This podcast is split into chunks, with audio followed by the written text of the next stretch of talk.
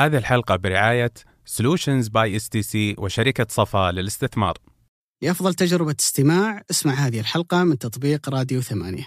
تقدر كمان تسمعها بدون موسيقى لو تحب. سيداتي انساتي سادتي.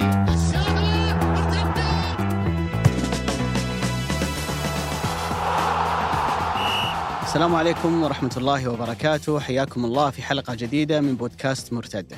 الأيام الماضية كانت حافلة بمباريات مهمة. ثلاث مباريات في ظرف أربع أيام في كأس السوبر بنظامها الجديد.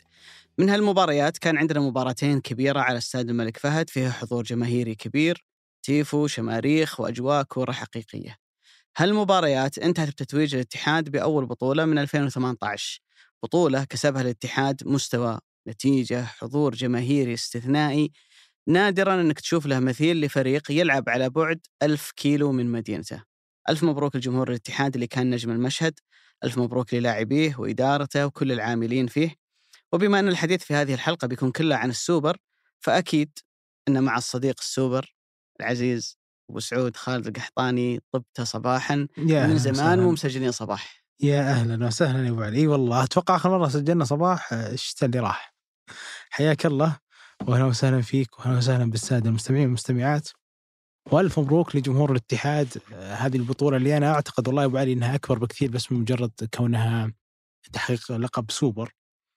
آه، المباراة والبطولة كلها يعني صراحة شهدت أشياء مرة ممتازة للاتحاد سواء تكتيكيا ولا تغيير في النهج ولا حتى. تتويج لكثير من الجهود اللي أنا أتوقع إنها تستحق في الاتحاد تحقق البطوله يعني أول بطولة لقروهي أو البطوله لروما أو البطوله لحجازي. أنا أتكلم هنا عن هالأسماء بالتحديد اللي من روما إلى حجازي. أنا أتوقع هذول الأسماء عاشوا فترة ال- شبح الهبوط وابتعاد الاتحاد عن الهبوط وذيك الأهداف اللي ما تليق ابدا بنادي كبير في الاتحاد. اليوم هم بكل كفاءة يوصلون الاتحاد إلى المنصات على حساب النصر والهلال والفيحة. وأعتقد إنه هذا كان فيه كثير من الإيمان بالنفس، كثير من الإيمان بالحظوظ، والكثير من الإيمان بالتمسك بهذه الجودة. اللي بالرغم من السنين الصعبة لأنها ما اهتزت. وألف مبروك صراحة لجمهور الاتحاد الكبير اللي. يحلون الدرة دائما. وكنت دائما أقول من فترة طويلة وأتوقع قلت الكلمة أول مرة من 2018 إنه واحدة من القيم اللي لازم نحافظ عليها في هذا الدوري عشان يستمر زخمة أن إحنا دائما نكرس أننا نملك جمهور مثل جمهور الاتحاد كمية الشغف كمية الدفع بهذا الفريق بأن يكون في مصاف الأبطال وكمية الانكسارات اللي عاشوها صراحة ابدا ما تتوافق مع كمية ال- الحوافز اللي هم يصنعونها في قلوب اللاعبين. فألف مبروك لهم أولا وثانيا وثالثا وألف مبروك للاتحاد إدارة ولاعيبة وجمهور ومدرب على هذه البطولة. لكن أنت كيف عشت ذيك الليلة؟ أكيد أنه أجواء كورة جميلة يا أبو سعود. يعني أنا أحاول أقارنها لما لعب النصر مع مع التعاون في نهائي السوبر في جدة. لما لعب الهلال الموسم الماضي مع الفيحة في نهائي. كأس الملك في جدة. يعني يصير أنه أحد قطبي العاصمة يلعب مباراة خارج ملعبه مع فريق غير جماهيري فبالتالي الملعب المفروض كله لك. يصير في حضور جماهيري ويمتلي الملعب هنا وهنا. لكن المشهد الجميل جدا بالنسبة لي في في مباراة أمس هو التنظيم هو التيفو. الأجواء اللي أنت شفتها يا أخي نادر أنك تشوف شيء زي كذا لفريق يلعب خارج مدينته. يعني ما تشوف حاجات زي كذا مثلا لما ريال مدريد يلعب نهائي Champions League مثلا لما فريق يروح يلعب مباراة خارج ملعبه حتى لو كان الملعب 50 50 يعني. لكن شكل المدرج الأعلام التيفو كل الأشياء اللي كانت موجودة أعتقد أنه قبل لا ينجح الاتحاد في المباراة في الملعب كان في نجاح جماهيري كبير جدا. من جمهور الاتحاد في المباراة سواء في المباراة السابقة اللي كانت أمام النصر اللي كانوا مقتسمين فيها الملعب أو حتى المباراة الأخيرة اللي يعني بيعت تذاكرها من وقت مبكر. آم، اللي يعرف الاتحاد ما يتفاجئ أنه عنده الجماهيرية الكبيرة جدا في الرياض أو حتى في المناطق المحيطة لأني متأكد أنه عدد كبير من الجمهور سافروا لمسافات عشان يشوفون الاتحاد يلعب هالمباراة. الأكيد أبو سعود أنها بطولة مهمة جدا للاتحاد على مستوى التوقيت. لأنه الفريق يحتاج إلى أن يؤمن أنه قادر ينافس وقادر يحقق آه، بطولات. وأنا شوي باخذ مثال بعيد نوعا ما عن الاتحاد. لو نحاول نتذكر الدوري اللي كان ليفربول قريب أن يفوز فيه ثم أتت زلقة جيرارد ثم فاز فيه السيتي موسم 14 15 14 صح أعتقد إيه. كم احتاج ليفربول بعدها من سنة حتى يعود من جديد ويلعب نهائي Champions وبعدها يفوز بالدوري ويفوز بدوري أبطال أوروبا ويحقق النجاحات اللي صارت مع كلوب. الأكيد انه في الموسم التالي لهذا الفشل فريق ما يرجع مرة ثانية. صارت إنه روما عمل موسم استثنائي مع رودي غارسيا وأعتقد جاب فوق ال 84 أو 85 نقطة كوصيف لكنه ما رجع بعدها نافس وفاز بالدوري. صارت انه في سنة من السنوات أتذكر مع نابولي إنه وصل إلى رقم استثنائي كنادي وصيف خلف يوفنتوس. فوق ال 90 لكن كم يحتاج إلى موسم حتى يعود ويرجع ينافس مرة ثانية. اللي احاول إني أقوله إنه لما يكون في فريق يعمل موسم استثنائي ويكون قريب من الفوز بالدوري ثم يفشل في الأمتار الأخيرة يعمل سيزون استثنائي كفريق وصيف. في الغالب ترى يدخل في مرحلة نزول. يدخل في مرحلة شك إنه يصعب عليه إنه يكرر نفس الإنجاز اللي سواه في الموسم اللي قبل ويدخل في دوامة تنتهي بإنه على الأقل هذا الجيل من اللاعبين مع مدربهم يحتاج إنك تغير نصف الفريق أو كل الفريق عشان ترجع تنافس مرة ثانية، فمهم جدا بالنسبة للاتحاد إنه ذات الفريق اللي الموسم الماضي كان بينه وبين الدوري شعره إنه يرجع مرة ثانية. والآن حاليا هو في منافسة الدوري ويكسب بطولة.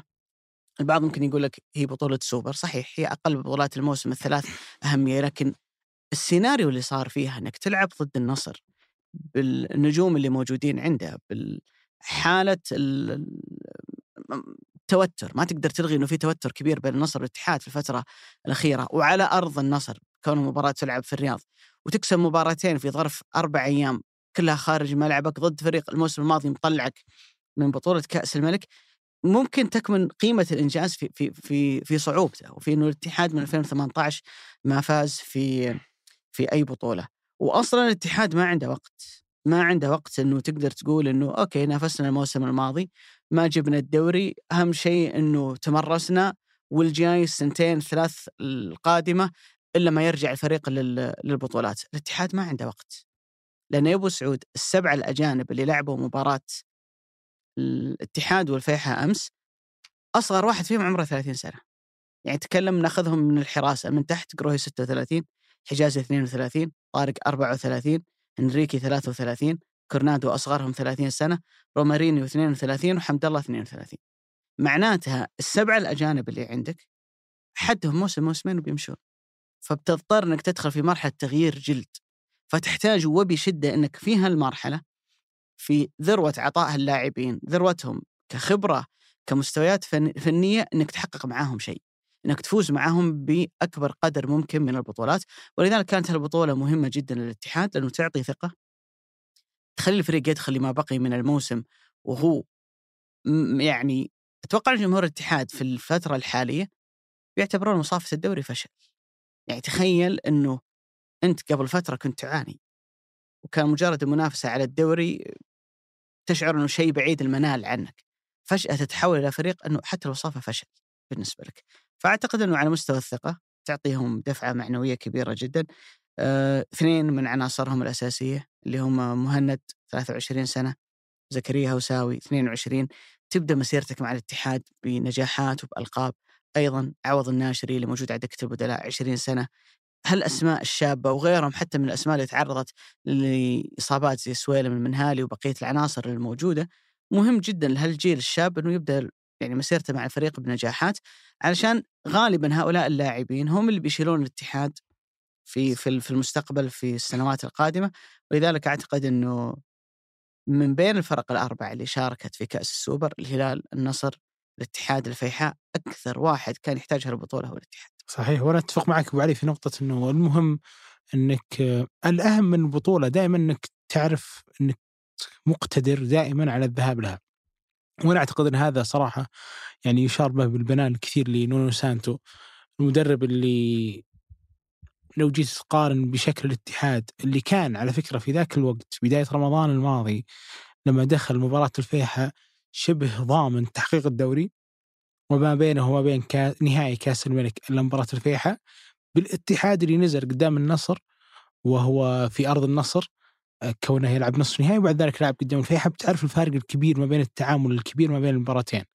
الاتحاد اللي كان مع آه الله يعطيني اسمه كوزمين كونترا في الموسم الماضي يسدد 11 11 تسديدة مرتبكة على مرمى فلاديمير ستويكوفيتش في آه، المجمعة وبعد ذلك يخرج من كأس الملك. هو نفس الاتحاد اللي خسر قدام الهلال في آه، تقريبا منعطف الدوري الأخير مختلف تماما عن الاتحاد اللي اليوم مع نونو سانتو يعتقد أنه مقتدر دائما على أنه يخلق ثقة آه، في هذا الفريق تجعله دائما آه، وصوله أسهل من المتوقع لمرمى الخصم ووصوله دائما مرتبط بخبرات كثير من اللاعبين اللي يقدرون يوصلونه في المواقف الصعبة لمرمى المنافس. وأنا هنا بضرب أمثلة صارت في كاس السوبر آه، ما بالمقارنة مع الموسم الماضي الفريق اللي كان يعجز عنه يهز شباك الفيحة. اليوم هو في شوط واحد بس قدام النصر سجل هدفين. في شوط واحد تقريبا برضو قدام الفيحة سجل هدف وأهدر جزائية في نهاية الشوط. أول فرصة بس أتيحت للاتحاد في حالة انفراد مع فلاديمير ستويكوفيتش.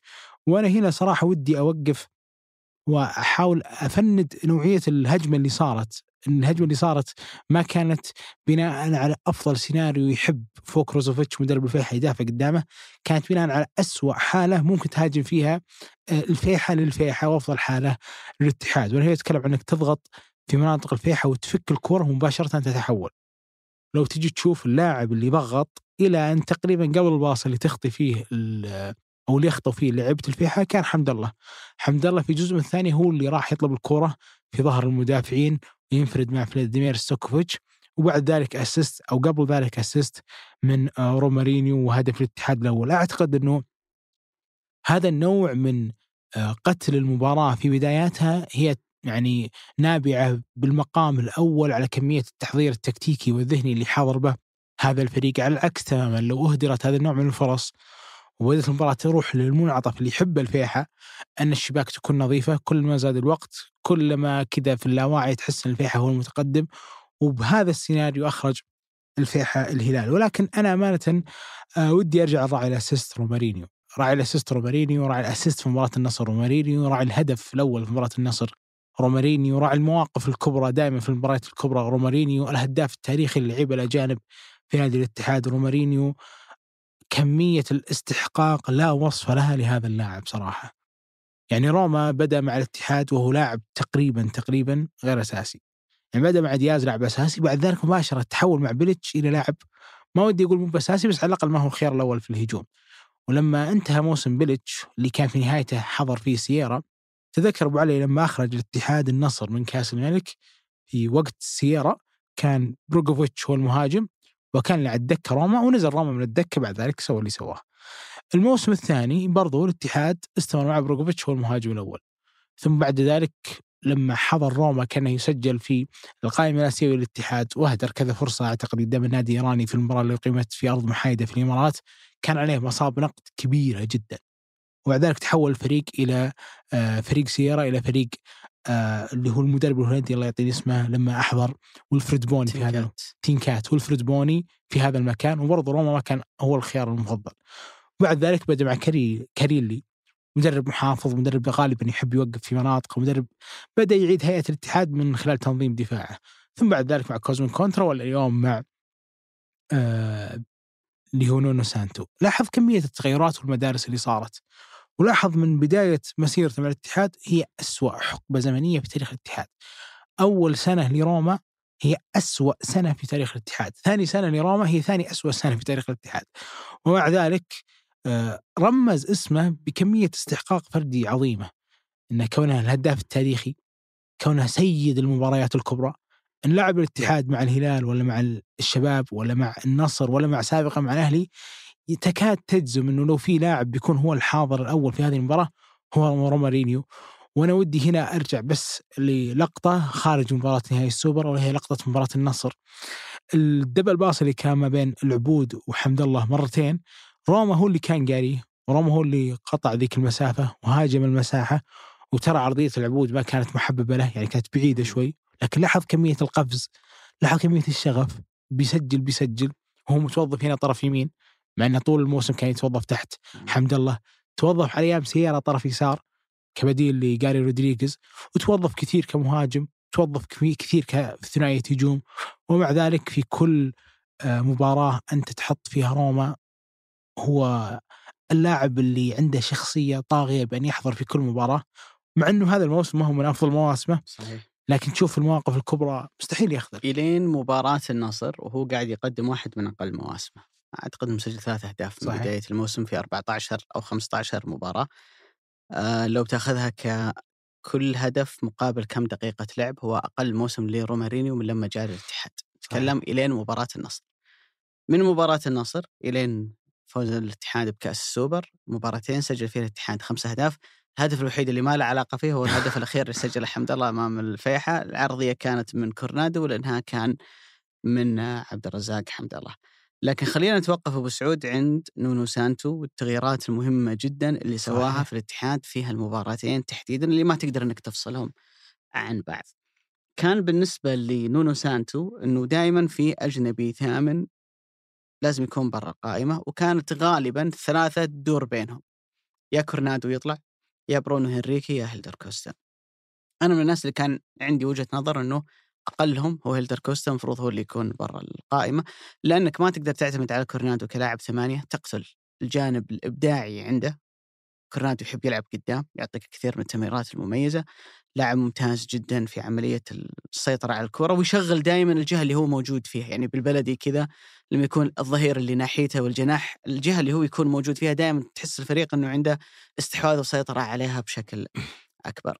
فهو اقتنع إنه هيلدر كوستا يكون برا القائمة. ما قبل السوبر لعب مباراة وظف فيها كورنادو أمام الفيحة اللي كانت في في الدوري كلاعب عشرة رومارينو طرف أيمن وعلى الجانب الأيسر يحط أي لاعب محلي سواء هارون كمارا أو عبد عبد الرحمن العبود أو عبد العزيز البيشي التغيير المهم اللي سواه في مباراة النصر ومباراة الفيحة أنه لعب رومارينو طرف أيمن ولعب كورنادو طرف أيسر ووظف عبد الرحمن العبود كلاعب في عمق الملعب في كثير من الأحيان بتشوفه قريب من حمد الله. صحيح. والهدف إنه هذا اللاعب السريع أفضل واحد في المنظومة كاملة ممكن تعطيه الكرة في مساحة زي ما يقولون تذب له الكرة بعيدة عنه ويقدر بفضل سرعته إنه ياخذها أو يسبق المدافع عليه هو عبد الرحمن العبود.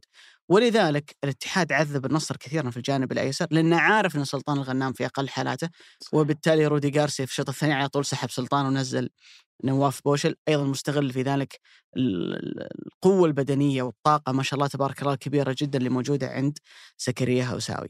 في مباراة الفيحة كان الهدف إنه حمد الله يحاول قدر المستطاع إنه يسحب المدافعين للخلف وعبد الرحمن العبود هو اللي يروح في المساحة وبذلك بتلاحظ إنه الهدف الأول اللي سجله حمد الله في بداية تمريرة رومارينيو انت جاك شعور إنه رايح اللاعب متسلل، اللاعب متسلل ترى هو عبد الرحمن العبود. اللي في كثير من الأحيان بتشوفه قدام حمد الله داخل منطقة الجزاء، فكان توظيف مختلف من نونو سانتو والهدف منه إنه بالنسبة لفريق متكتل زي الفيحة أنا عندي لعيبة كثير ممتازين برونو هنريكي كورنادو حتى رومارينيو يمكن يلعب لي هالنوع من. الكرات. الكور اللي في ظهر المدافعين فانا احتاج لاعب سريع ياخذ الكورة في المساحة هذه أو حتى لما أتدرج على الطرف زي اللي صار أمام النصر إنه هو الكره اللي يعطيه إياها دائما في ظهر الظهير أو قلب الدفاع هو اللي ياخذها بعد ذلك ويعرضها. فكان توظيفه لعبد الرحمن العبود وتغيير شكل وهيكله الفريق في المباراتين نقطة تحسب جدا لنونو سانتو. أرجع وأقول عنه إنه مدرب أنا أكثر حاجة أحبها فيه إنه مدرب منصف. يعني اللاعب ال- اللي يستحق إنه يلعب يلعب. اللاعب يحاول قدر المستطاع إنه يوظفه في المركز اللي هو يحبه ويرتاح فيه. ما شفنا له شكل ما أصر على شكل واحد. يعني بتلاحظ بعض المدربين عنده إصرار على أسلوب لعب واحد. يعني دياز غالبا ما حيغير الأربعة ثلاثة ثلاثة. رودي جارسيا عنده قناعات في بعض اللاعبين ما يغيرها. يعني على سبيل المثال عنده سامي النجعي يكاد يكون خط أحمر ما يبغى يغير. عنده مثلا على مستوى الظهير الأيسر إنه إذا غاب كونان ما في ولا واحد يلعب ظهير أيسر فخليني أخلق خيار زي علي لاجامي ولا واحد ثاني. بتشوف عند نونو سانتو إنه لا ما في حصانة للاعب. يعني جت فترة من الفترات تحس إنه هيلدر كوستا حتى قيل في الإعلام إنه هو اللي جاب اللاعب فيحاول إنه ينجح الصفقة لما شاف ان أقل واحد من ثمانية يطلع برا مع يعدي وقت إي. يلعب الأفضل. حمدان الشمراني نوعا ما في بداية الموسم ما كان أداء الهجومي بال... بالشكل اللي يطلبه الاتحاد. حاول انه يوظف على الجانب الأيمن عبد الرحمن العبود. ما شافها تنجح. الطرفين اللي عنده ما حينجحون أسلوب ثلاثة مدافعين رجع لأربعة مدافعين. وشال حمدان وعطى زكريا هوساوي اللي تقريبا كان ولا شيء قبل لا يجي الاتحاد. ف من الأشياء الجيدة في نونو سانتو إنه مدرب مرن. منصف مرن. باستمرار قاعد يحاول يخلق نموذج وشكل الاتحاد وأعتقد إن الشكل اللي لعب في المباراتين الأخيرة يقدر يكمل عليه. أو إنه يلعب آه، كورنادو عشرة ويلعب على الطرف الأيسر آه، عبد الرحمن الع- العبود. فهو تقريبا الشكل هذا هو اللي بيكمل عليه الاتحاد من هنا إلى نهاية الموسم. الأكيد إن هذا التنظيم اللي سواه أظهر لك عبد الرزاق حمد الله بشكل مختلف، يعني أنا حتى في فترته مع النصر ما اتذكر إن حمد الله من نوعية اللاعبين المهاجمين اللي يرجع ويستلم الكره وظهره للمرمى، يعني ينزل يستلم تقريبا على الدائرة أو بعد الدائرة بشوي. شفناه كثير سواها أمام النصر، أمام الفيحة، يلعب للفريق بشكل أكبر، ولما توصل الكره قدامه حمد الله يعني الحاسم اللي هذه ميزته من عرفنا.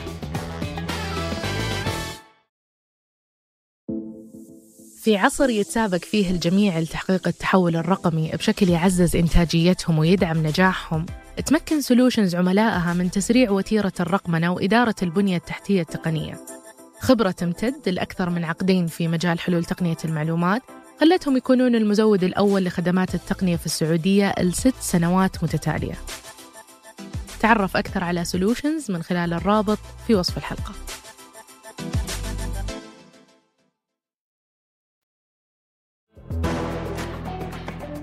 أتوقع أبو سعود كل اللي شافوا المباراتين تحديدا اللي شافوها من التلفزيون زي يا أخي جاك شعور كأنه نازل وزنه.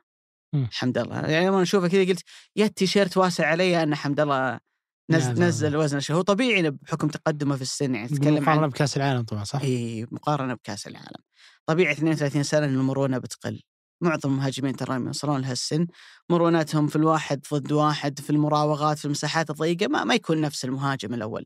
لكن مهم جدا بالنسبة لك في هالمرحلة إنه على الأقل حس المهاجم لمسة المهاجم تظل تظل موجودة. الركنة اللي عملها ضد النصر إنك تاخذ الكرة وترجعها نفس الزاوية اللي جت منها عشان تثبت الحارس ال chip اللي عمله ضد حارس زي هو ستويكوفيتش. بس هو نقطة هدفه على ستويكوفيتش أبو علي. الفكرة إنه كان متخيل إنه هذا الحارس بيطلع وهذا الحارس جدا رائع في أي كرة أرضية. ولما حطها من فوق الحارس كان بصراحة بيه كمية إحنا ترى لو تحاول تسترجع الانفرادات اللي شفتها الحمد الله في الدوري السعودي عموما في الغالب تلقاه ياخذ الكورة ممكن كذا عرفت اللي يعمل تمويهه على الحارس يحاول يثبت الحارس بعدين يلعبها مثلا في الزاوية البعيدة نادر تلقاه يستخدم هالأسلوب اللي هو الشيب اللي سواها لكنه كان متخيل تصرف الحارس بالشكل السليم صراحة مم. كان عنده كذا صورة ذهنية في باله إنه الحارس مباشر. طالع أول طالع. ما اخذ الكوره على طول راح للمرمى بشكل سريع وهي أتوقع إنه الهجمة اللي صارت يعني في في أحداث في المباراة كذا أنت تلاقي نفسك انحطيت في هالموقف فما تقدر تقول هذه مرتب لها أو مدرب مهيئ عليها اللاعبين بس أنا أتخيل إنه نونو سانتو كان متوقع إنه أفضل شكل أنا ممكن أضرب فيه الفيحة هي هو يقول لك اليوم الكره فيها أربع حالات استحواذ الكره معاك الكره مع منافس تحول من الدفاع للهجوم أو من الهجوم إلى الدفاع أفضل حالة أنت ممكن تضرب فيها الفيحة هي حالة تحولهم من الهجوم للدفاع من صحيح. معهم إلين يرجعون يتمركزون ويتشكلون في وضعياتهم الدفاعية لأنك زي لما لعب الهلال ضد الفيحة الاستحواذ الكبير الباصات الكثيرة هو أصلا خلاص أنا أتنظم أنظم المسافة ما بين كل لاعب ولاعب أخذ وضعيتي أركز. لكن لما أنا أفقد الكورة في اللحظة أصلا اللي بيرجع يشوف الهدف ولو بالإعادة البطيئة في اللحظة اللي لع- لعيبة الفيحة بدأوا يرجعون يحاولون كذا يوقفون في أماكنهم على طول رومارينو عمل الباص السريع الحمد لله خذها بسرعة وجرى فيها للأمام. فما يعني ما كان بوسعهم إنهم يتداركون الموقف وهدف غير مسار المباراة تماما بالإضافة للطرد اللي أعتقد إنه خلاص يعني الكل جاه شعور بعد الطرد إنه المباراة انتهت الاتحاد ولكن بالطرد ولا بدونه بالهدف المبكر ولا بدونه أنا كان عندي اعتقاد إنه الاتحاد بهالفورمة وهالأداء المميز من كل النجوم اللي موجودين عنده كان قادر إنه يكسب المباراة. أنا امانه ابو علي احيي جدا عبد الحليم العبود على كمية التكيف اللي هو آه، كان فيها. يعني عبد الرحمن مثل ما ذكرت أبو علي كان بداية هذا الموسم ظهير أيمن وبعد ذلك تحول إلى طرف أيمن ثم الحين طرف يسار والآن تحت المهاجم. وتحديدا المباراتين اللي لعبها الاتحاد قدام النصر وقدام الفيحة كان هو أقرب لاعب دائما الحمد لله. وغير أبو علي النقطة اللي ذكرتها اللي طلب إنه اللاعب الأفضل في طلب الكرة في المساحة برضو كان دائما يستغل الكرة الثانية خير استغلال. وهذا الشيء طوال فترة عبد العبود في الاتفاق والاتحاد ما كان مميز فيه. ولكن أعتقد إنه نونو سانتو كان يشوف فيه شيء يقدر يملى في هذه المساحة اللي هو كان يبحث دائما إن روما يملأها. ولما تغير هذا الرسم كسب روما. كسب ايجور كورونادو صراحة قدم واحدة من أفضل المباريات بالنسبة لي. وشوف ال- الكرة اللي كانت تمريرته في الشوط الأول كانت يعني حريرية بشكل لا يوصف وكسب ذا قبل ذلك كله عبد الرزاق حمد الله ولكن الكلام على عبد الرحمن تحديدا اللي بحكم إنه بيغيب في الفترة الجاية أعتقد مثل ما ذكر هو عنده عملية في العضلة الضامة هذا الأسبوع آه، بيبدأ في هذا المكان السؤال هل بيرجع هيلدر كوستا؟ هل بيستعين بعبد العزيز البيشي؟ أمانة واحدة من أكثر الأسئلة اللي تطري لأنه الاتحاد آه، يمكن ذكرناها قبل حلقتين أبو علي آه، أعتقد أنه المرشح الأول للدوري والفارق ما بينه والنصر أعتقد نقطتين فعنده مساحة كبيرة إنه يتألق في هذا الدوري وعنده فريق في فورمة ممتازة واللي شاف حديث حجازي أمس يدري ان هذا الفريق ما راح يكتفي مثل ما قلت أنت إنه بحكم معدل أعمارهم مرتفع جدا ففي جزء كبير من هذا الفريق ما راح يكون موجود أصلا السنة الجاية أعتقد أولهم طارق حامد وهنريكي بالإضافة لهيلدر كوستا أكيد ما راح ألقاه السنة هذه. فهذه الأسماء بتحاول إنها تحصد كل ما تحصده في نفس الوقت اللي الأندية الثانية تمر بمرحلة ربكة إلى حد كبير. نتكلم هنا تحديدا عن النصر والهلال. الهلال في مرحلة ربكة جدا كبيرة والنصر في مرحلة ربكة سببها الاتحاد آه، في الخروج من كأس السوبر. فأعتقد إنه بديل عبد العبود بيكون واحدة من أكثر الأسئلة اللي بكون متحمس جدا نجلس الأسبوع الجاي بإذن الله ما تنام عين على هذه الطاولة ونشوف من هو اللي وظفه. كبديل لعبد الحليم العبود. ولكن آه، في طار الاتحاد في واحد من أكثر اللعيبة حمالاسيه صراحة واذا تالق ما حد يعني يتكلم عنه. وإذا غاب ما حد يقول في قدنه وإذا حضر دائما هو عرضة للنقد. وأنا اتكلم هنا عن برونو هنريكي. الصراحة في مباراة النصر كان لاعب رائع. ودائما برونو هنريكي في مباريات النصر تحديدا يكون لاعب رائع. في الموسم الماضي ولا حتى في هذا الموسم. يعني الموسم الماضي في مباراة جدة ولا حتى لما تسبب في طرد تاليسكا ولا حتى في مباراة الرياض لما سجل الهدف الثالث. وفي المباراة هذه لما حضر وكذا يتبادر لذهنك سؤال أبو علي. ما تحس إنه غاب؟ ما تحس إنه كان مكانه دائما ايجور كورنادو طول هذا الموسم؟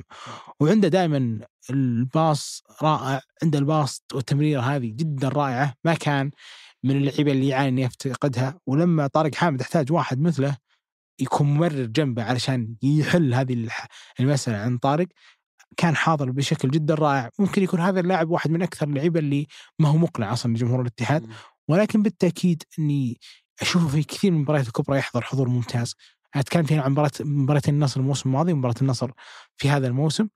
وفي كذا حس جيد إنه آه، لما انقطع مع مثلا كوزمين كونترا الموسم الماضي بحكم إنه كان يلعب عبد الله المالكي والاحمدي في بداية الموسم مع كاريلي وحتى بعد ما رجع كاريلي وكان يتوظف مع كوزمين كونترا كواحد من الأطراف البديلة لفهد المولد قدام. ومع ذلك كان يؤدي. ولما رجع في نهاية الموسم هو فيليبي أندريا كمحاور الاتحاد أدى. ولما اليوم غاب في أغلب الموسم بحكم إنه هيلدر كوستا هو اللي يكون الأجنبي السابع في الاتحاد وحضر في فترة تحقيق البطولة كان حاضر. فأنا أحييه صراحة. وكذا كذا جاء في بالي فلاش باك لما كنت أقرأ عنه أول ما كان جاي من بالميراس للاتحاد أمانة ما كان يعني ما كان واحد من اللعيبة اللي تتوقع إنه بيخلق الكثير من الفارق في الاتحاد ولكنه على حد اعتقادي جالس يؤدي على الأقل شيء نقيض فترات الانقطاع اللي هو يتعرض لها. لكن أحترم صراحة آه، احترافيته بشكل كبير ولا كثير من اللعيبة لما يستدعى في مثل هذا الوقت إنه التشكيل كله بيتغير ونحتاجك تساعدنا يعطيك أداء سيء ولا يلام ولا يلام ابدا. في لاعبين أبو سعود ميزته إنك إذا احتجته لقيته تذكر الموسم الماضي لما أصيب كريم الأحمدي وطلع عبد الإله المالكي راح للهلال خط الوسط تكلم عن المحاور في الاتحاد فجأة كذا لقيت نفسك ما عندك ولا واحد. فرغ. فتم تعاقد مع أندريه وبرونو هنريكي اللي كان احتياطي من بداية الموسم لقى نفسه يلعب أساسي والاثنين قدموا مع بعض واحدة من أميز فتراتهم مع الاتحاد الموسم الماضي. برونو هنريكي غالبا بتلاقيه وسعود في المباريات اللي الاتحاد ينظر له في المباراة على أنه الطرف الأقل. تعرف المصطلح اللي يقولون عنه الإنجليز الأندر دوك أنه أنت تلعب وأنت الطرف الأقل ترشيحا؟ أنا باعتقادي أحسن فريق في السعودية كلها يعرف يلعب هالنوع من المباريات هو الاتحاد.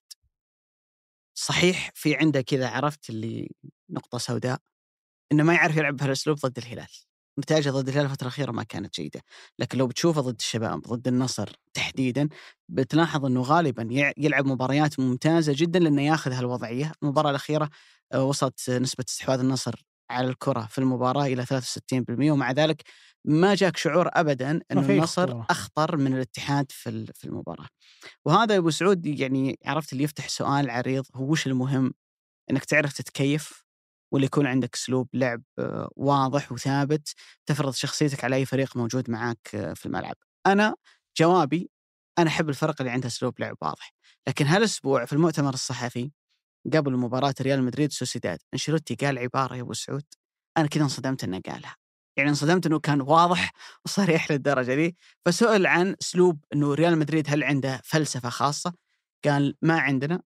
وأنا مبسوط إنه ما عندنا يا ساتر. لأن ريال مدريد مهمته أو دوره إنه يفوز بالمباريات ومهم بالنسبة لي إن فريقي يتكيف مع مختلف الظروف. يعني ان ترى اليوم إذا في مدرسة بيب قاعد يمشي فيها والناس تمشي وراه اللي هو أسلوب لعب هوية واضحة ما تتخلى عنها في خط ثاني وإذا كان ريال مدريد هو من يقود هذا الخط وهو ناجح بلا شك تحديدا في مباريات بطولات الكاس وخروج المغلوب فكرة الفريق الذي يتكيف مع مختلف الظروف. وبأمانة الاتحاد من المواسم الماضية وهالموسم مع نونو سانتو يجيني شعور حتى أقول كذا من بداية الموسم لما نسولف مع الأصدقاء وزي كذا أقول دائما الاتحاد هو أكثر فريق بيكون خطر في مواجهات الأندية الكبرى لما يلعبون بينهم بين بعض، لأنه يعرف ياخذ وضعية الفريق المتحفظ ويعرف بعد ذلك يضربك، هو أحسن فريق في الدوري يسجل من كور ثابتة. سواء فاولات جانبية، سواء. ركنيات، هو مميز جدا لأن عنده منفذ بارع جدا اللي هو كورنادو، وعنده أكثر من ضارب رأس حمد الله حجازي وأكثر من من عنصر آخر، فريق كويس في المرتدات، فريق يعني يعرف يتحول عليك بشكل جيد، فهو خذ الأسلوب هذا ولعب فيه أمام النصر وكانت قيمة برونو هنريكي تحديدا إنه في هالنوع من المباريات وهو اللي خلانا نفتح الحديث إن برونو هنريكي تلاقيه غالبا في هالنوع من المباريات اللي خطوط الفريق متقاربة مش مطلوب منه إنه يجري لمسافات طويلة. اللي معاه في الغالب لاعب محور ثاني فبالتالي وسط الملعب مقسوم ما بينهم الاثنين. أنا اميل وأسند مع الجهة اليمين وأنت تسند مع الجهة اليسار. بتلاقي برونو هنريكي في هالنوع من المباريات. لاعب قوي في الالتحامات لاعب في الثنائيات في الغالب تلاحظ إنه عنده قدرة عالية على إنه يكسبها لكنه ما هو بلاعب فنان. ما هو بالفتيت لاعب الثمانية الفتيت اللي بيفيدك في مباراة أنت مستحوذ فيها والفريق الثاني مسلمك الكره متراجع إلى إلى نصف ملعبه الاتحاد يحتاج لاعب أحسن منه أكيد لو هو في مستوى تطلعات الاتحادين كان بتلاقيه أساسي ولا يفكر المدرب إنه يطلعه. برا لكنه مهم في بعض المباريات إنه يعطيك التوازن اللي أنت تنشده أو تحتاج إليه في في بعض ال- المباريات. أنت قلت في ثنايا حديثك أبو سعود إنه ال- الهلال والنصر كما لو إن عندهم أزمات. الهلال واضح الأمر لكن أنا أعتقد إني أنا وياك جانا شعور إنه النصر في أزمة من ردة الفعل اللي صارت بعد مباراة الاتحاد، بينما فعليا أنت المفروض ما تكون في أزمة. يعني أنت عندك ثلاث أهداف هالموسم بحكم إنك ما تلعب دوري أبطال آسيا، دوري وكأس السوبر. لو بتاخذهم كذا بالترتيب بتحط الدوري رقم واحد، بتحط الكأس رقم اثنين، بتحط السوبر رقم ثلاثة. أنت فقدت الهدف رقم ثلاثة ولا زلت في الأول والثاني وضعيتك ممتازة، أنت متصدر الدوري وأنت في كأس الملك المسار اللي أنت بتمشي فيه يأهلك إنك توصل للمباراه النهائيه دون تقليل من الأندية اللي اللي ممكن يواجهها النصر في المرحلة القادمة، ففعليا أنت ما خسرت ولا حاجة. يعني الهلال جانب التخوف إنه أنت قاعد تفقد نقاط في الدوري ومنافسيك جالسين يفرقون عنك. التخوف سببه إنه أنت قدامك أصعب بطولة على مستوى صعوبة المنافسين وأهميتها اللي هي كأس العالم للأندية بتبدأ بعد أيام، وبعدها عندك دوري أبطال آسيا اللي أنت بتلعب فيها بعدد أجانب أقل واصلا وضعيتك الفنية في الفترة الماضية ما كانت يعني مجمع. إي ما ما كانت مقنعة إلى حد كبير، لكن لو بتنظر للنصر هل فعلا الفريق في أزمة؟ أنا أقول لك لا، النصر مش في أزمة. لكن ممكن اللي اللي وصل لنا هالشعور هي ردة الفعل المبالغ فيها، أنا ما أتكلم عن النادي، أتكلم عن الجمهور والإعلام، ردة الفعل المبالغ فيها اللي صارت بعد مباراة الاتحاد، يعني أنا أفهم إنه المباراة محتدمة. صحيح. فيها تنافس عالي صعبة. جدا. حمد الله خلق نوع من التوتر بين الناديين. هذا أمر مؤكد. لكن لو تأخذها بعقل ومنطق النصر لا يزال في المنافسة. والنصر لو أنهى الموسم إنه يفوز بالدوري والكأس حيعتبر موسم مش مثالي. بعد المثالي بالنسبة للنصر لأنه في التاريخ القريب اللي أنا عشته للنصر النصر ما عمره فاز بالدوري وكأس ملك في في في موسم واحد. ف أنا بالنسبة لي كانت ردة الفعل شوي فاجأتني. ما أدري عنك فيها؟ سعود اي لا أنا بعيد عن ردة فعل أنا أعتقد النصر في أزمة. أوف. إيه. حتى بدون ردة الفعل؟ أول أزمة يا أبو علي بتشوفها في النصر إذا كان هذا الأداء الطبيعي لروسي فهذه مشكلة كبيرة.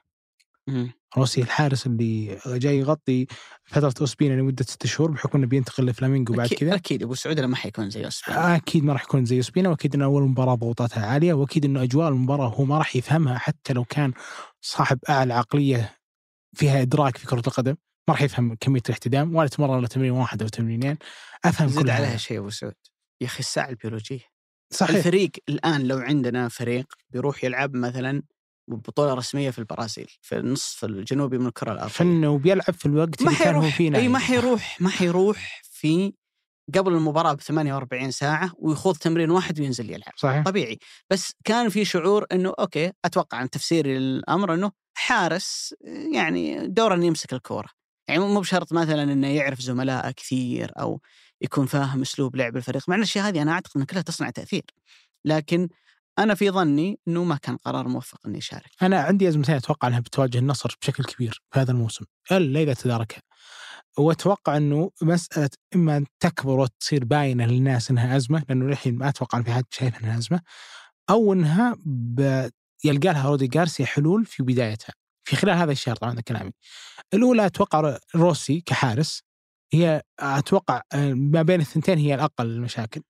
لأنه واضح لي انه ما هو مثل ما ذكر بالكوره بالعكس في واحدة من الكور روما كان إلا لو ضغط تكة كان فكها كان متأخر فيها ولمسته ثقيله والواضح لي انه عنده نوع من المشاكل في التعامل مع الكرات العرضيه هذا الشيء بدالي صراحة آه، في هدفين الاتحاد الأول والثاني. خلى الثاني قل صعبة جدا. بينما الهدف الأول تقريبا okay روما سوى كل شيء عشان تتسجل هذه الكره هدف ولكنها ترى كانت في وسط المرمى. okay صح إنه التعامل مع هذا النوع من الكرات ما هو أسهل شيء ولكن في نفس الوقت لو أنت حاضر بكامل عافيتك بتصدها. لأنها في وسط المرمى. بالعكس بل إنها في المكان اللي هو موقف فيه. حتى كانت تحت جنبه الأيسر فتعامله كان صراحة سيء جدا فيها خمس تسديدات ثلاثة منها كانت أهداف كل هذا بالنسبة لي هي واحدة من أكثر المشاكل اللي ممكن تراكم عليك أزمة ثقه في خط الدفاع لأنك واحد من أكثر الأندية اللي يصعد بدفاعها هذا الموسم ما كنت أكثر نادي في هذا الموسم يصعد بدفاعه. الأزمة الثانية ما كانت ظاهرة في مباراة الاتفاق بس ظهرت في مباراة الاتحاد. أنا ودي أي أحد يرجع ويشوف هدف تاليسكا على الاتفاق قبل 20 ثانية من الكرة العرضية اللي أعتقد رفعها الصليهم. ودي الناس تشوف لما رونالدو مسك كتف تاليسكا الايسر مم. والشر له يدخل المنطقة. وكان هذا الشيء واضح إنك لما أنت يا تاليسكا تدخل ما بين السناتر السناتر كلهم يخافون إنك تأخذ الكرة العالية لأنك بارع جدا فيها. فانت هنا تجبر سنترين على الأقل إنهم يدخلون داخل المنطقة. لما تتحضر الكرة العرضية قبل اللحظة اللي ترفع فيها رونالدو ياخذ الخطوات هذه ويسوي الجمب اللي هو ما في أحد يقدر يرتقي معها فيه وسواه قدام الاتحاد برضو. فهنا اللي صار إنه طبعا رونالدو سوى الجمب خذ الكرة الثانية تاليسكا وسجلها. بس المغزى رونالدو لما صار في حالة الارتقاء هذه ما كانت عليه مضايقة وكان خارج المنطقة فهذا الشيء ساعد إنه يرتقي هذا الارتقاء.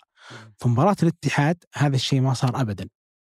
كان رونالدو يوقف طرف يسار لما تتحضر الكرة في الطرف اليمين قبل ما يجي الأوفر ياخذ هذه الخطوات وكان تلسكا طرف يمين طوال الشوط الأول تلسكا لاعب طرف يمين علشان نفس الشيء لأنه قيمة تلسكا انه لاعب هداف وإنه في نفس الوقت لما يدخل المنطقة يكون غير مراقب، يعني مثلا لما أبو بكر كان يلعب مع الباص تو باص في هدفه على الهلال الأول في قبل أقل من شهر تقريبا كان هو هذا يحتاج هذه الكرة إني أنا داخل المنطقة سواء بالسرعات ولا بالعرضية ما أكون موجود في المنطقة وواضح ما بين السناتر، فاللي يبدو لي إن تلسكا ما راح يؤدي هذا الدور. فمن كان يؤديه؟ أحيانا الصليهم واحيانا سامي الخيبري. سامي الخيبري والصليهم أنا وأنت ندري قبل حجازي وأحمد شرحيل إنهم هم راعيين في الكرات العرضية. فما يشكلون أي خطورة. فهذه واحدة من أكثر المشاكل اللي أنا اعتقد انها بتواجه النصر. عشان أرجع أصيغها في سؤال من هو اللاعب اللي بيوقف ما بين السناتر في الوقت اللي ما يبي يكون رونالدو فيها مكشوف ولا تيسكا مكشوف فينهم يصعدون للمنطقة. ممكن أتوقع والله العالم انه يحل هذه المشكلة رودي جارسيا بأنه يلعب ثلاث سناتر. وش فكرة إنه ليش ثلاث سناتر؟ ثلاثة أربعة ثلاثة إن يكون في لاعب ثالث في الثلث الهجومي مع تريسكا ومع رونالدو عنده قدرة تهديفية كويسة يخافون من السناتر لما يوقف بينهم فيضطرون يوقفون معه مين ويدخلون. كذا أنا في النصر؟ شوف القائمه ما في أحد. في النصر ما في أحد. في النصر ما في أحد. إيه، بس أتوقع يا أبو علي والله العالم إنه اللي بيتكيف مع هذا القرار هو سامي الخيبري. طيب. اولا لإيمان. رودي جارسيا فيه واضح صراحة جدا جدا جدا مما لا يدع مجال للشك. رودي جارسيا غير مقتنع في عبد الحليم غريب. هذا الشيء أنا ما أشك فيه صراحة. أو إنه ما يرى خياره الأمثل بدليل إنه كل المباريات الماضية ركة دكة. بما فيها المباراة اللي نزل فيها قدام الهلال وسجل بعدها ما عاد رجع. وأتوقع إنه سامي أفضل لعيبة وسط النصر كغير ذا الموسم كخيار تسديد على المرمى. فأتوقع إنه هو اللي بيكون ضحية هذا الموضوع هل هذا كافي؟ ما أظن طيب خلينا نعمل فلاش باك يا أبو سعود ل- واحدة من حلقات الموسم الماضي. اللي تكلمنا فيها عن ماذا يحتاج الاتحاد في الموسم القادم.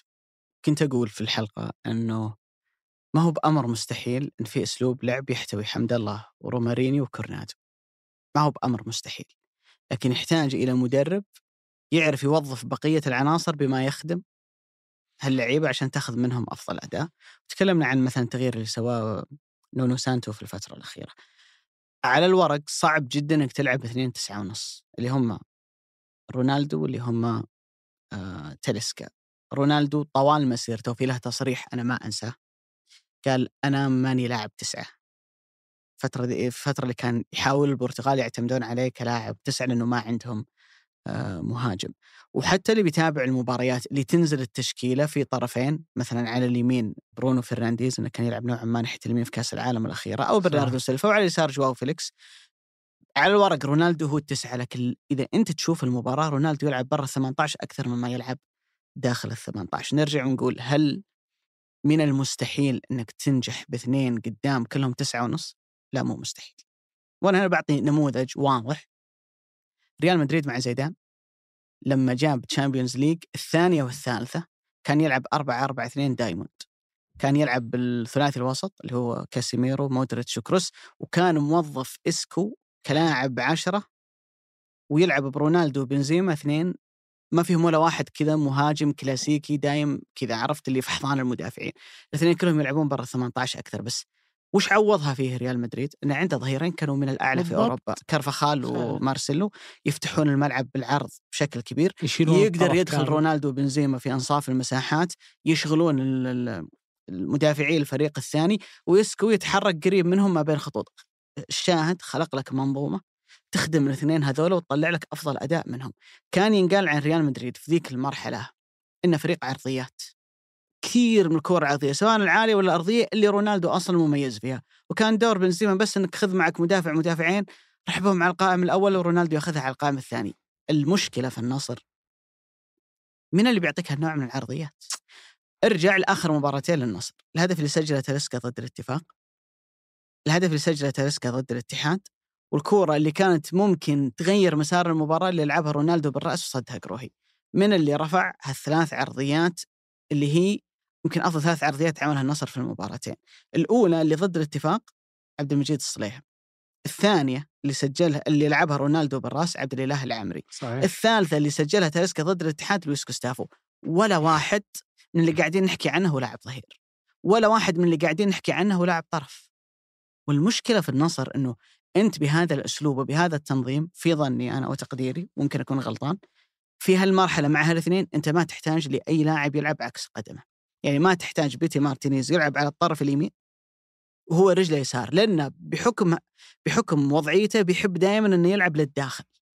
أنت تحتاج للاعب اللي يلعب قريب من الخط عشان يعطيك هالنوع من الكرات العرضية، سلطان الغنام ما هو في وضعيته، كونان كان مصاب خلال الفترة الأخيرة، ففكرة إنك تلعب بلاعب جناح عكس رجله ويدخل عمق الملعب أنت بتزحم العمق أكثر وأكثر وبيكون عندك يعني خطورة وسيطرة أقل على الأطراف اللي أنت تحتاج إنك تسيطر عليها وبعد ذلك تلعب الكرة العرضية. ال- في فترة من الفترات السيتي كان ناجح بدون مهاجم.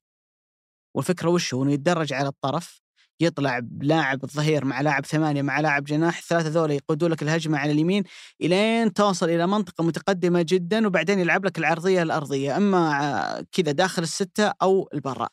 بالله عليك أبو سعود في المباريات الأخيرة اللي المباراتين الأخيرة اللي لعبها رونالدو تلسكا كم مرة شفت عرضية من هالنوع في النصر؟ اللي لاعب الظهير أو لاعب الثمانية يطلع بالكورة إلين يدخل فيها داخل ال 18 وبعدين يعكسها مثلا على برا أو يلعبها أرضية. اللاعب على القائمة ولا مرة ولا مرة فأنت أنت عشان تطلع أعلى فائدة من هالاثنين تحتاج إنه أطرافك تكون أقوى أجنحتك أفضل أظهرتك أفضل وهنا وين- عندي سؤال أبو علي. لو كان للنصر صفقة واحدة في يناير الماضي وين بتكون؟ يناير هذا؟ م. آه. شوف على اليسار ما عندهم يلعب بالرجل اليسار إلا عبد الرحمن غريب عفوا أيمن يحيى. وأيمن ما في الغالب ترى ما يوظف كان جناح أيسر. فممكن أقول جناح أيسر؟ أو جناح يمين لا جناح أيسر يكون اللعب كله جهة الجناح هذا وكونان قل معي جناح يسار وإذا كان قل مثلا إنه صفقة عبد الرحمن غريب شالت الحمل مع بداية الموسم وأدت أكلها وكان عبد الرحمن كويس فأنا بتكون في الجناح الأيمن. والنصر يعني يعني أكبر احتياج النصر الباين والواضح مع المحور الثاني طبعا بحكم إنه ولا واحد أدى مثل لويس كوستافو في هذا المكان هو الطرفين. وهذه تتضارب بشكل مباشر مع الأسلوب اللي يصل به جارسيا دائما اللي هي الكرات العرضية. حتى في الوقت اللي كان يلعب فيه أبو بكر يعني مثلا مباراة التعاون في مباريات كثيرة مباراة العدالة كل الأهداف اللي كان يسجلها النصر كانت من كرات عرضية. وواضح إن الفريق مبني على هذا الشيء. ولما انطرد مثلا طارق حامد قدام النصر استمر النصر يلعب كرات عرضية ما لعب على الأرض ابدا. كان يستمر في إنه يلعب كرات عرضية. فواضح إن الفريق مبني على هذا الجانب. في المقابل تجد إنه أحيانا عبد العمري اعتقد عنده أربع assist هذا الموسم. وحتى صليم ولويس كوستافو تجد إنهم هم أفضل بكثير من لعيبة الأطراف نفسهم. فعنده أزمة. ألا وهي إنه اللعيبة هذول اللي هم لعيبة الأطراف الاثنين سواء بيتي مارتينيز مشاريبوف عبد الرحمن غريب سامي النجعي كل هذه الأسماء ما هي جالسة تؤدي نفس هذا الغرض. في نفس الوقت هذا إحنا جالسين نتكلم على إنه أصلا في في هذا الدور اللي أتيح فيه آه تسجيل الأهداف في المباراتين الماضية سواء قدام الاتفاق ولا حتى قدام الاتحاد. أعتقد أنها كانت أول كوره يلمسها تريسكا داخل المنطقة من كرة عرضية كانت هذه اللي هي كرة الهدف. اتفاق. لا مباراة النصر. مم. عفوا الاتحاد. مباراة الاتفاق الكورة الوحيدة اللي لمسها تلسكا داخل 18 هي الهدف. وزد عليها مباراة النصر أول كرة لمسها كانت عفوا مباراة الاتحاد كانت هي الهدف. الوقت اللي كان ياخذه تلسكا في مباراة الاتحاد كان أقل بكثير من المعتاد والوقت اللي كان ياخذه قدام الاتفاق مع أنه أدى هذا الدور قدام الاتفاق. أو هي دور أنه كان يدخل ويثبت السناتر ورونالدو اللي هي يدخل برا. هي نفس الهدف اللي ضد الاتحاد. انه واحد يشغل السناتر والثاني ياخذها أما ياخذها على برا زي هدف الاتحاد أو إنك تعرض إذا ما أخذها الأول ياخذها الثاني أمام الاتفاق هذا الشيء وش يشبه بتنجح بعد؟ الفكرة بس قديش تقدر تلعب عرضيات صحيحة وحط 20 خط تحت كلمة صحيحة في المباراة وقديش بيتنازل تاليسكا في أنه يلعب في هذا الدور تسوي؟ أتذكر طيب زين ما علي. تلعب طرف يمين أنا أتذكر زين أبو علي برونو في نصف موسم مع اليونايتد كان مساهم في 17 هدف أغلبها كانت أهداف لما ما قدر يتكيف مع هذا الدور مع رونالدو انهار إلى معدلات كارثية في الموسم اللي يليه. برونو فرنانديز نفسه كان أنجح وأكثر لاعب حقق لاعب الشهر قبل يحضر رونالدو لكنه لأنه فقد هذه الميزة ولا كان قادر يتكيف مع إنه يدخل كون راس حربه يثبت السناتر لأنه اللاعب الأقرب طبعا لرونالدو يحاول يؤدي هذا الدور ولا أحد من لعيبة أطراف اليونايتد كان عنده حس المهاجم اللي ممكن يدخل في هذا النوع من الكرات فقدت برونو تماما وانت ذكرتها قبل شوي على سالفة نقطة اللي هي توظيف رونالدو وبرونو في منتخب البرتغال ففيها تضارب كبير. إما أن يتنازل تاليسكا ويصير يدخل بنسبة أكبر فيتوازن الفريق فياخذ هو بعض الكرات الثانية اللي بتسقط من رونالدو أو ما بعد لو شتتها سنتر وسقطت كرة ثانية في القائمة الثاني فيسجل هدفها مثل على الاتفاق ولا يسجل هدف مثل على الاتحاد. وأنا أرشح أنه بيكون في الجانب الثاني أكثر إنه بيحتاج إنه يقف مع المدرب ويقول إحنا نحتاج لاعب يؤدي هذا الدور لأني لو استمريت في هذا المكان بفقد الكثير من قدرتي على ان يكون لاعب غير مقروء للمدافعين. بينما لو وقف تلسكا بشكل مستمر ترى لاعب مقروء. وتلسكا إدواردو سابقا مع الهلال. هذا النوع من اللعيبة لو تثبته في المنطقة تحرقه. لو هو يستهدف إنه يهاجم المساحه في الكثير من الأوقات للكرات العرضية يصير لاعب فتاك. رومارينيو على العكس. روما عنده مشكلة إن روما هو أقرب من كونه مهاجم للاعب وسط بينما تريسكا هو لاعب رائع جدا في إنه يقرأ الكره ويدخل المنطقة. إذا كان هو ثابت في المنطقة بيعاني مشكلة إنه لاعب مكشوف. فهو في الأخير ما هو روما إنه يقدر يدور ويراوغ وياخذ الكره من أكثر من لمسة ولا هو رونالدو في إنه ياخذ الكره برضو من هذا الجانب إنه ممكن يراوغ مهاجم. هو لاعب لمسته واحدة بالكثير اثنتين ويفنش وش أكثر شيء يهمك لو قررت تشتري شقة؟ سواء للسكن أو الاستثمار. جودة البناء، السلامة، الفخامة والتقنيات الذكية الموقع الاستراتيجي والخدمات. كل هالمميزات وأكثر بتلقاها في وحدات ومشاريع صفا للاستثمار. اعرف أكثر من خلال الرابط في وصف الحلقة.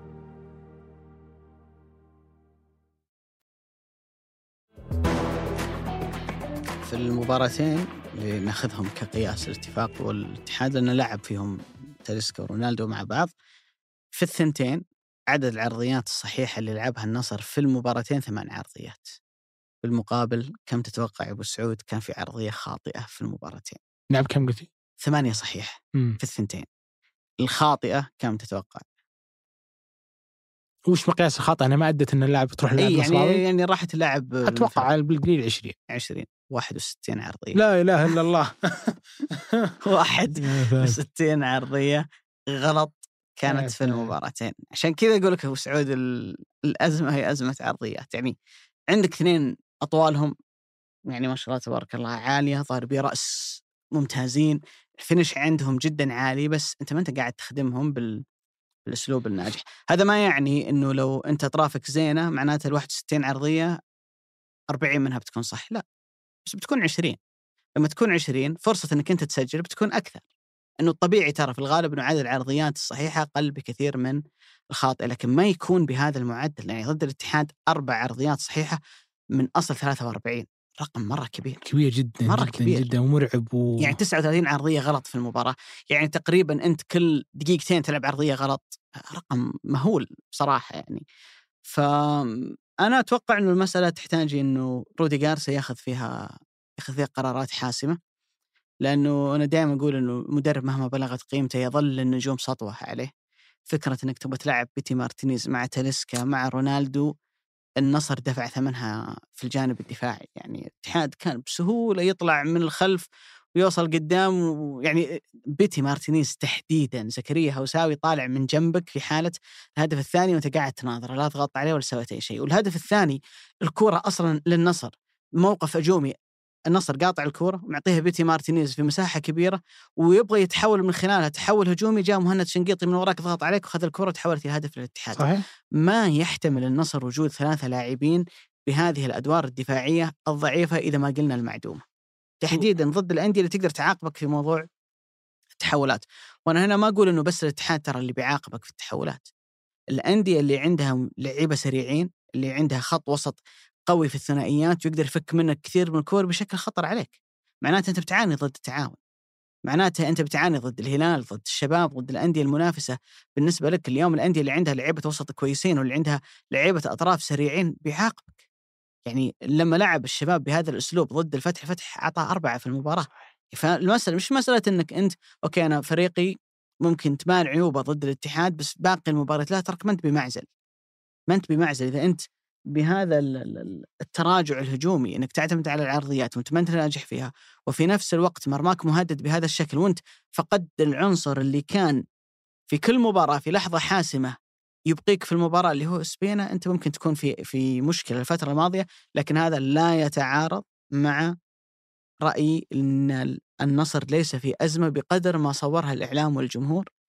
الفريق يحتاج إنه يهدى النصر عنده نواقص يا أخي كل الأندية عندها نواقص. الهلال إذا غاب سلمان الفرج من اللي يعوضه؟ ما في ولا واحد. ولا. الهلال ما عنده ظهير يسار حاليا. الهلال على مستوى الجناح الأيمن مع إصابات ماريجا الفترة الماضية ما عنده جناح يمين آه، مميز. تروح للاتحاد اللي هو تفوق عليك في هالمباراة. الاتحاد قاعد يلعب ظهير أيسر شاب خبراته قليلة جدا. مواليد 2002 الاتحاد لما يغيب عبد الرحمن العبود في الفترة القادمة ما عنده لاعب يلعب لا لاعب طرف على الجانب الأيسر. الاتحاد لما يغيب طارق حامد ما له بديل. لما يغيب حجازي ما له بديل. لما يغيب حمد الله ما له بديل. كل الفرق عندها نواقص. الشباب واحد من منافسيك على على ال- على الدوري ما عنده لاعب تسعة صريح. ولو غاب ياجو سانتوس ولا حسان تنبكتي ما عنده قلب دفاعي في نفس المستوى. أظهرته من الأميز على مستوى الدوري لكن ولا واحد منهم عنده بديل في نفس المستوى. كل الأندية عندها نواقص. ففكرة إنه الفريق عنده نواقص السوق مفتوح فطالما ما تعاقد وتزامنت مع خسارتنا من الاتحاد معناته إنه إحنا في أزمة لا ما أعتقد. فريق لسه في ال- في الملعب وعنده فرصة إنه آه، ينافس وممكن يكسب كل البطولات الموجودة أنا أتوقع أبو علي واحدة من أكثر الأشياء اللي خلت جمهور النصر يعني يضيق كثير بعد هذيك المباراة إنها رابع مباراة كبرى الفريق ما يكسبها وكل المباريات الكبيرة ما كسبها الموسم يا رابع مباراة كبرى ما يعني كسبها الاتحاد مرتين والشباب والهلال. كلها ما فاز فيها وتتكلم لو جيت تفندها الاتحاد من الشوط الأول كان ب 10 لاعبين إلى أن انطرد الصريم في آخر 20 دقيقة من المباراة. الهلال كان أسوأ هلال ممكن يقابلك في حياته ولا أتوقع انه الهلال بيتكرر سوءه. والشباب أعتقد إنه جزء كبير من هذه المباراة كانت متقاسمة وأعتقد إنها أصلا كانت واحدة من أسوأ مباريات النصر نفسه. فلما تكرر لرابع مباراة نتيجتها إنك تخرج من الاتحاد اللي كان ماخذ مهاجمك عبد الرزاق حمد الله بينك وبين عبد حمد الله هذاك السيناريو فطبيعي إن الجمهور صراحة يغضب خصوصا إن الجمهور كله قبل هذه المباراة كان يؤمن إن فريقه هو الأفضل هو متصدر الدوري الغضب طبيعي أبو سعود بس المطالبة بتغيير نص الأجانب لا بس في نفس شوي. الوقت أبو علي النصر كان يتحرك إنه يجدد دمه في يناير. يعني واضح إنه كان في أصلا توجه. يعني أعتقد إنه أكرم عفيف كان على تكة وتم مراد باتنا أعتقد إنها تكة وتم بحسب ما قرانا. وأنا متأكد إن هذا الحراك صحيح. وأعتقد النصر كانت عنده واحدة من المشاكل اللي هي من هو اللاعب الطرف الأيمن أو من هو اللاعب الطرف اللي على الأقل بيعزز إن إحنا نملك بيتي مارتينيز كلاعب طرف أيسر مع سامي النجعي. هذه أطرافنا. طبعا في نوع في كثير ممكن يقول طب ما كنا نملك خالد غنام. ما كان عندنا عبد الحان غريب ما عندنا ايمن يحيى وين هذه المشاكل على الورق. هذا الكلام اللي قلناه يمكن في أكثر من حلقة لكن أعتقد أبو عين رودي جارسيا ما تخيل تخيل. إن النصر يبحث عن طرفين وأنت عندك كل هاللعيبة المحليين لأن ما فيهم ولا واحد يعني خلاك تستغني عن فكرة إنك تجيب لاعب جديد في نفس المركز. أعتقد أبو عين جارسيا غير مقتنع ما هو هو غير مقتنع لأن أدائهم غير مقنع العله ما هي في جارسي العله فيهم هم طيب. هل سامي أداء مقنع؟ إلى حد ما ممكن أي. حتى الدور اللي يلعب فيه ما يساعده. يعني سامي كويس لما يلعب تحت مهاجم لكن توديه على الطرف الأيسر لا سرعته ولا مهارته عشان كذا ساعد إنه يلعب في هالمركز. يعني هو يلعب في هالمركز لأنه كويس في الضغط بس. أنا تساءل يقدر يغطي مع الظهير اللي وراه ويقدر يضغط على الفريق المنافس لما يحاول إنه يبني لعب. أكثر من كذا ما يقدر يعطي أنا أتساءل آه، عبدالرحمن غريب ليش ما أخذ هذا المركز في بداية الموسم مع النصر أو تلقى الصبر على الأقل من جارسيا؟ ما شفت جارسيا صبر عليه. بدرجة أقل ماشاريبوف ممكن الناس كلها كارهة ماشاريبوف اليوم. لكن هو الطرف الكلاسيكي الصحيح اللي عندك. في الاخير إنت جالس تلاعب سامي النجعي وبيتي مارتينيز. كلهم لعيبة ما, ما, فيهم ولا لاعب يقدر ياخذ الكورة مثلا مثل ما ياخذها ميشيل. لما يعني مثلا مثلا على سبيل المثال زكريا هوساوي المقدم واحدة من أكثر البطولات نجاحا في كأس السوبر. كان هو العيب الوحيد قدام الهلال هو طريق ميشيل. ليش؟ لأن ميشيل لاعب طرف يقدر يسبب لك هذه المشاكل. اعطني الكورة وأنا ألقى لك حل. بينما لو ترك بيتي مارتينيز في هذا المكان ما راح يقدر يلقى حل. لو ترك سامي النجعي في هذا المكان ما راح يقدر يلقى حل. وكلهم عانوا كثير قدام اظهره جدا رائعين دفاعيا مثل زكريا هوساوي ومهند شنقيطي بل انه مهند شنقيطي قلب بيتي مارتينيز كواحد من العيوب اللي ممكن يصل فيها مرمى الاتحاد مرمى النصر. وهذا الشيء صار في الهدف الأول وصار في الهدف الثالث. إنه هو اللاعب اللي ضغط على بيتي مارتينيز وافتك الكره وتحولت وهو اللاعب اللي فنش في مباراة الهدف الثالث. فكل هذه المشاكل جالسة تكبر طبعا مع كون إنه كونان مصاب مع إنه سلطان الغنام متعرض لكمية الإصابات اللي خلته يطلع بهذا الشكل على الأقل من بعد المونديال. كل هذه الأشياء جالسة تتراكم على نقطة واحدة أطراف النصر ضعيفة. وأنا أعتقد إنه صراحة آه واحدة من أكثر الأشياء اللي كان النصر يحتاج إنه يستند عليها علشان يفتك من هذه المشاكل هو أن تنجح صفقة عدنان غريب. الأزمة الواضحة يا أبو سعود. وضوح الشمس في رابعة النهار هي أزمة الهلال. مم. والهلال مقبل على مرحلة صعبة جدا أصعب شهر في موسمه اللي هو فبراير اللي فيه كأس العالم للأندية ومن ثم عنده ال- البطولة المجمعة اللي هي المراحل الإقصائية من دوري أبطال آسيا. طبعا ما ما تشمل المباراة النهائيه لأنها حتكون آه، بنظام الذهاب والإياب. تقريبا موقف شبيه إلى حد ما كان موجود فيه الهلال الموسم الماضي. مع إن السوء كان أقل ما كان الفريق بهذا الشكل. فكانت المشكلة إنه أنت ما تقدر تغير وكأس العالم على الأبواب علشان ما في مدرب يقدر يعطي الفريق تأثير فني واضح خلال الفترة القادمة. لكن أعتقد إنه الهلال بشكله الحالي وقبل لا يحتاج أصلا تغيير فني من المدرب الجديد يحتاج صدمة. لأن جزء من من نجاح دياز الموسم الماضي مع الهلال جزء منه فني وجزء أكبر منه أعتقد على الأقل في البدايات كانت الصدمه إنه عملية التغيير غالبا ما تجلب معها تغيير في أسلوب لعب الفريق كثير من اللاعبين ممكن أدائهم يتحسن الأجواء العامة داخل الفريق أصلا أه، يعني بشكل أو بآخر تصبح أفضل. لذلك الهلال أعتقد إنه طالما خذ قرار انه يروح لكأس العالم مع دياز أنا في ظني إنه عمل ريسك كبير جدا. مجازفة. قد الهلال اللي كان في المرتين السابقة المركز الرابع عند كثير من جمهوره غير مرضي بالنسبة له أنا أقول ممكن يطلع من المباراة الأولى. مم. بهذا الشكل وبهذه الوضعية الفنية للفريق اللي شفناها في الفترة الماضية وضد الوداد على أرضه وبين جمهوره مباراة واحدة يا توصل فيها سيمي فاينل يا تطلع بعدين تلعب مباراة خامس وسادس ضد فريق أصلا بيسوي نفس اللي سواه الفيحاني بيسلمك الكورة وبيلعب على التحولات وبيلعب معك مباراة بدنية من أشرس ما يكون أنت مهدد إنك تطلع من المباراة الأولى. وصحيح إنه الهلال في معظم المباريات الأخيرة تجي لحظة كذا من الممكن إنها تقلب المباراة زي ركلة الجزاء اللي ضيعها سالم أمام الفيحاء. لكن بالنسبة للنادي بهذا بهذا. بهذه القيمة وبهاللاعبين اللي موجودين عنده مش مقبول منك إنك تتوقف على لحظة معينة أما إنها تجي في المباراة تمشي في صالحك أو إنك بعدين تخسر وتتخذها آه، ذريعة لك في الفشل. أعتقد إنه الهلال سوء واضح من تقريبا الجولتين الثلاث اللي كانت قبل كأس العالم الأخيرات وكمل السوء ما بعد كأس العالم. الهلال دفع غاليا ثمن انه أحد فريقين من أصل 16 في الدوري اللي ما عملت معسكرات خارجية وقت كأس العالم، الهلال وحدهم الوحيدين اللي ما سافروا برا عملوا معسكرات. وكانت وجهة نظر ديانز إنه أنا عندي عدد كبير من اللاعبين اللي موجودين مع المنتخب فبالتالي العدد الموجود غير كافي فما يحتاج إني أعسكر فقام عطى اللعيبة آه، إجازة، دفع الهلال ثمن ذلك إنه حالة الفريق البدنية بعد كأس العالم سيئة جدا، كثير من الإصابات معظم اللاعبين ما هم في مستوياتهم. في تراجع ودروب كبير جدا عند كثير من ال- ال- العناصر. وبأمانة في غالبا في مثل هالمواقف اللي يشيل الهلال وسط الأزمات هم لاعبين المحليين. وللأسف إن لاعبي الهلال المحليين تحديدا أبناء النادي ما بين مصاب وما بين متراجع مستواه. الوحيد اللي ممكن تقول عنه إنه ها نوعا ما سواء أبناء النادي أو حتى المنضمين للنادي يعني اللي لهم وقت مع النادي يعني دائما تقدر تحط ياسر الشهراني وكنو وأكثر من لاعب وإن كانوا ما تأسسوا فيها لكنك تعتبرهم جزء من هذه المجموعة.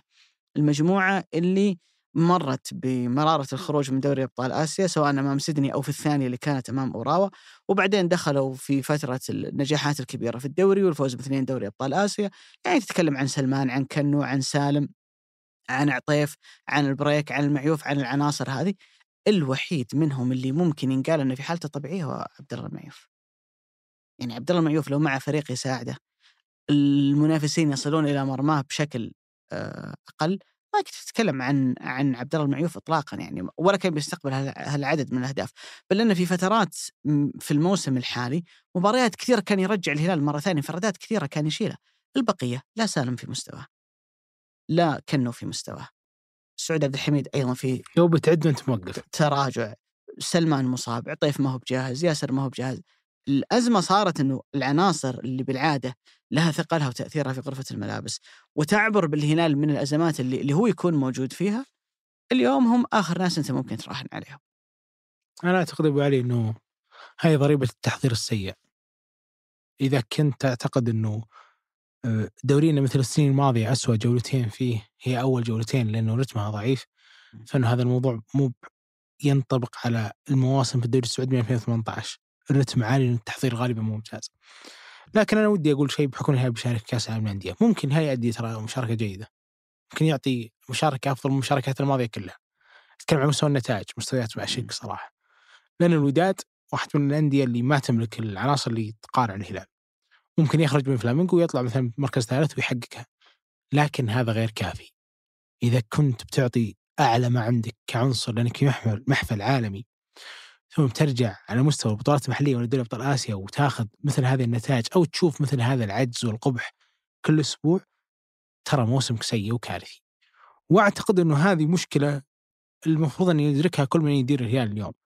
الأداء الرائع في كأس العالم غير كافي. حال فريق كل مؤشراته سيئة إنه بيرجع بعد كأس العالم ويؤدي أداء سيء.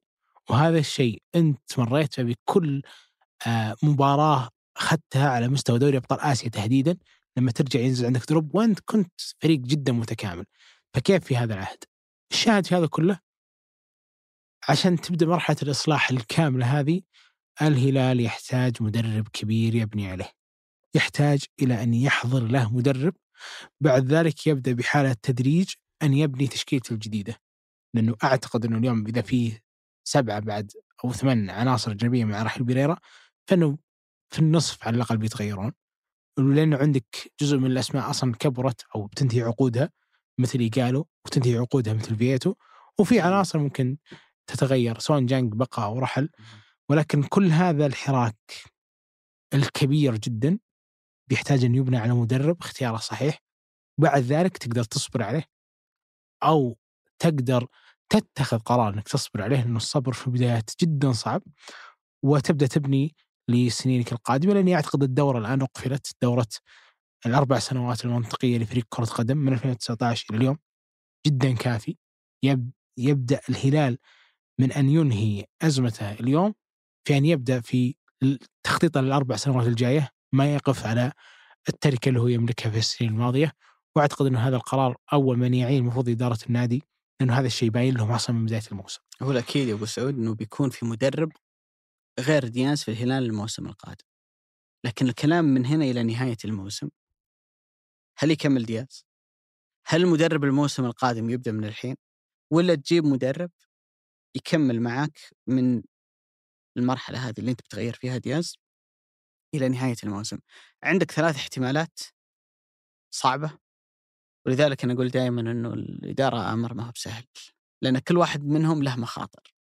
فأنت يعني جانب الإدارة أو الحنكة في هالمواقف إنك تحاول تحسبها من كل النواحي وتخرج بأفضل قرار آه، بالنسبة لك. في ظني إنه إدارة الهلال وجدت وأنا هنا ما ماني قاعد آه، يعني أقول رأيي في الموضوع بقدر ما إني أحاول إني أحلل أو أفسر اللي قاعد يصير إنه الوقت غير كافي لأي مدرب يعمل تغيير وليس من الجيد أن يعتاد الفريق والجمهور واللاعبين على فكرة إن كل ما يتراجع الأداء شيل مدرب وجيب مدرب لأنه تظل في هالدوامة واللي الهلال أصلا موجود فيها انه في كل موسم تمر عليه فترة دروب فالهلال لازم إنه يشيل مدرب ويحط واحد ثاني عشان يحدث نوع من الصدمة.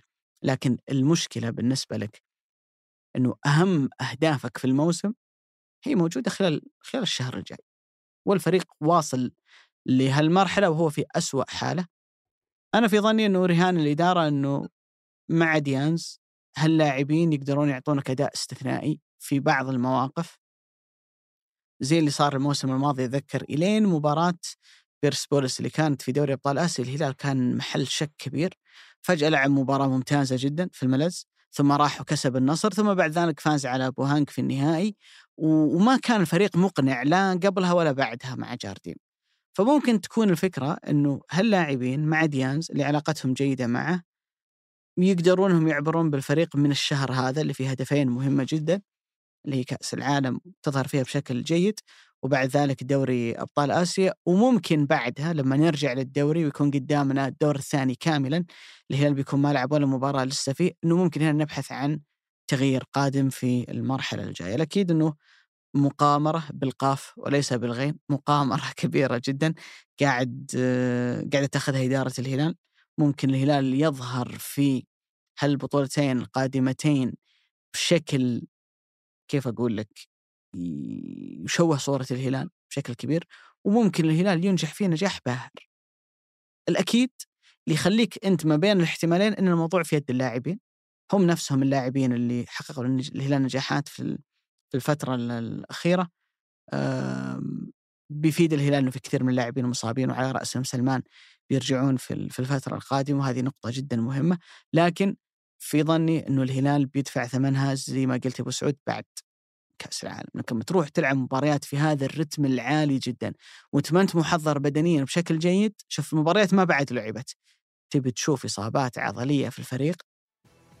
ممكن نص الفريق الأساسي بتشوفه مصاب. ترجع من كأس العالم وأنت عندك كم لاعب؟ أنت فاقدهم بسبب الإصابة. لأنك تطلب من اللاعبين انهم يحطون على أنفسهم حمل بدني هم فعليا ما جهزوا ولا حضروا إنهم يقدرون يلعبون مباريات ورا بعض يعني اللعب فيها تجاوز الوداد بعدين لعب نصف نهائي بعدين مباراة ثالث ورابع. تتكلم عن ثلاث مباريات برتم عالي في ظرف سبع أيام. هنا هنا بتشوف قديش انت اعدادك البدني كان سيء لكن أتمنى إن شاء الله التوفيق للهلال وإنه يظهر بشكل مشرف. أعتقد إنه بعيدا عن ظروف الهلال أي شيء غير المركز ال- الثالث فما فوق يعتبر تراجع بالنسبة للهلال. ولا أعتقد إنها بتكون مباراة. ما أعتقد إنها بتكون مشاركة سهلة بالتأكيد. وصلنا إلى الختام يا أبو سعود شكرا لك لك الساعة. الجميلة والشيقة. الله يعطيك الشكر لكم أيضا ولعبد العزيز المزي في تسجيل وهندسة صوت هذه الحلقة من التحرير مرام ضبيبان هذا بودكاست مرتدى احد منتجات شركة ثمانية للنشر والتوزيع نلتقيكم بإذن الله تعالى الأسبوع القادم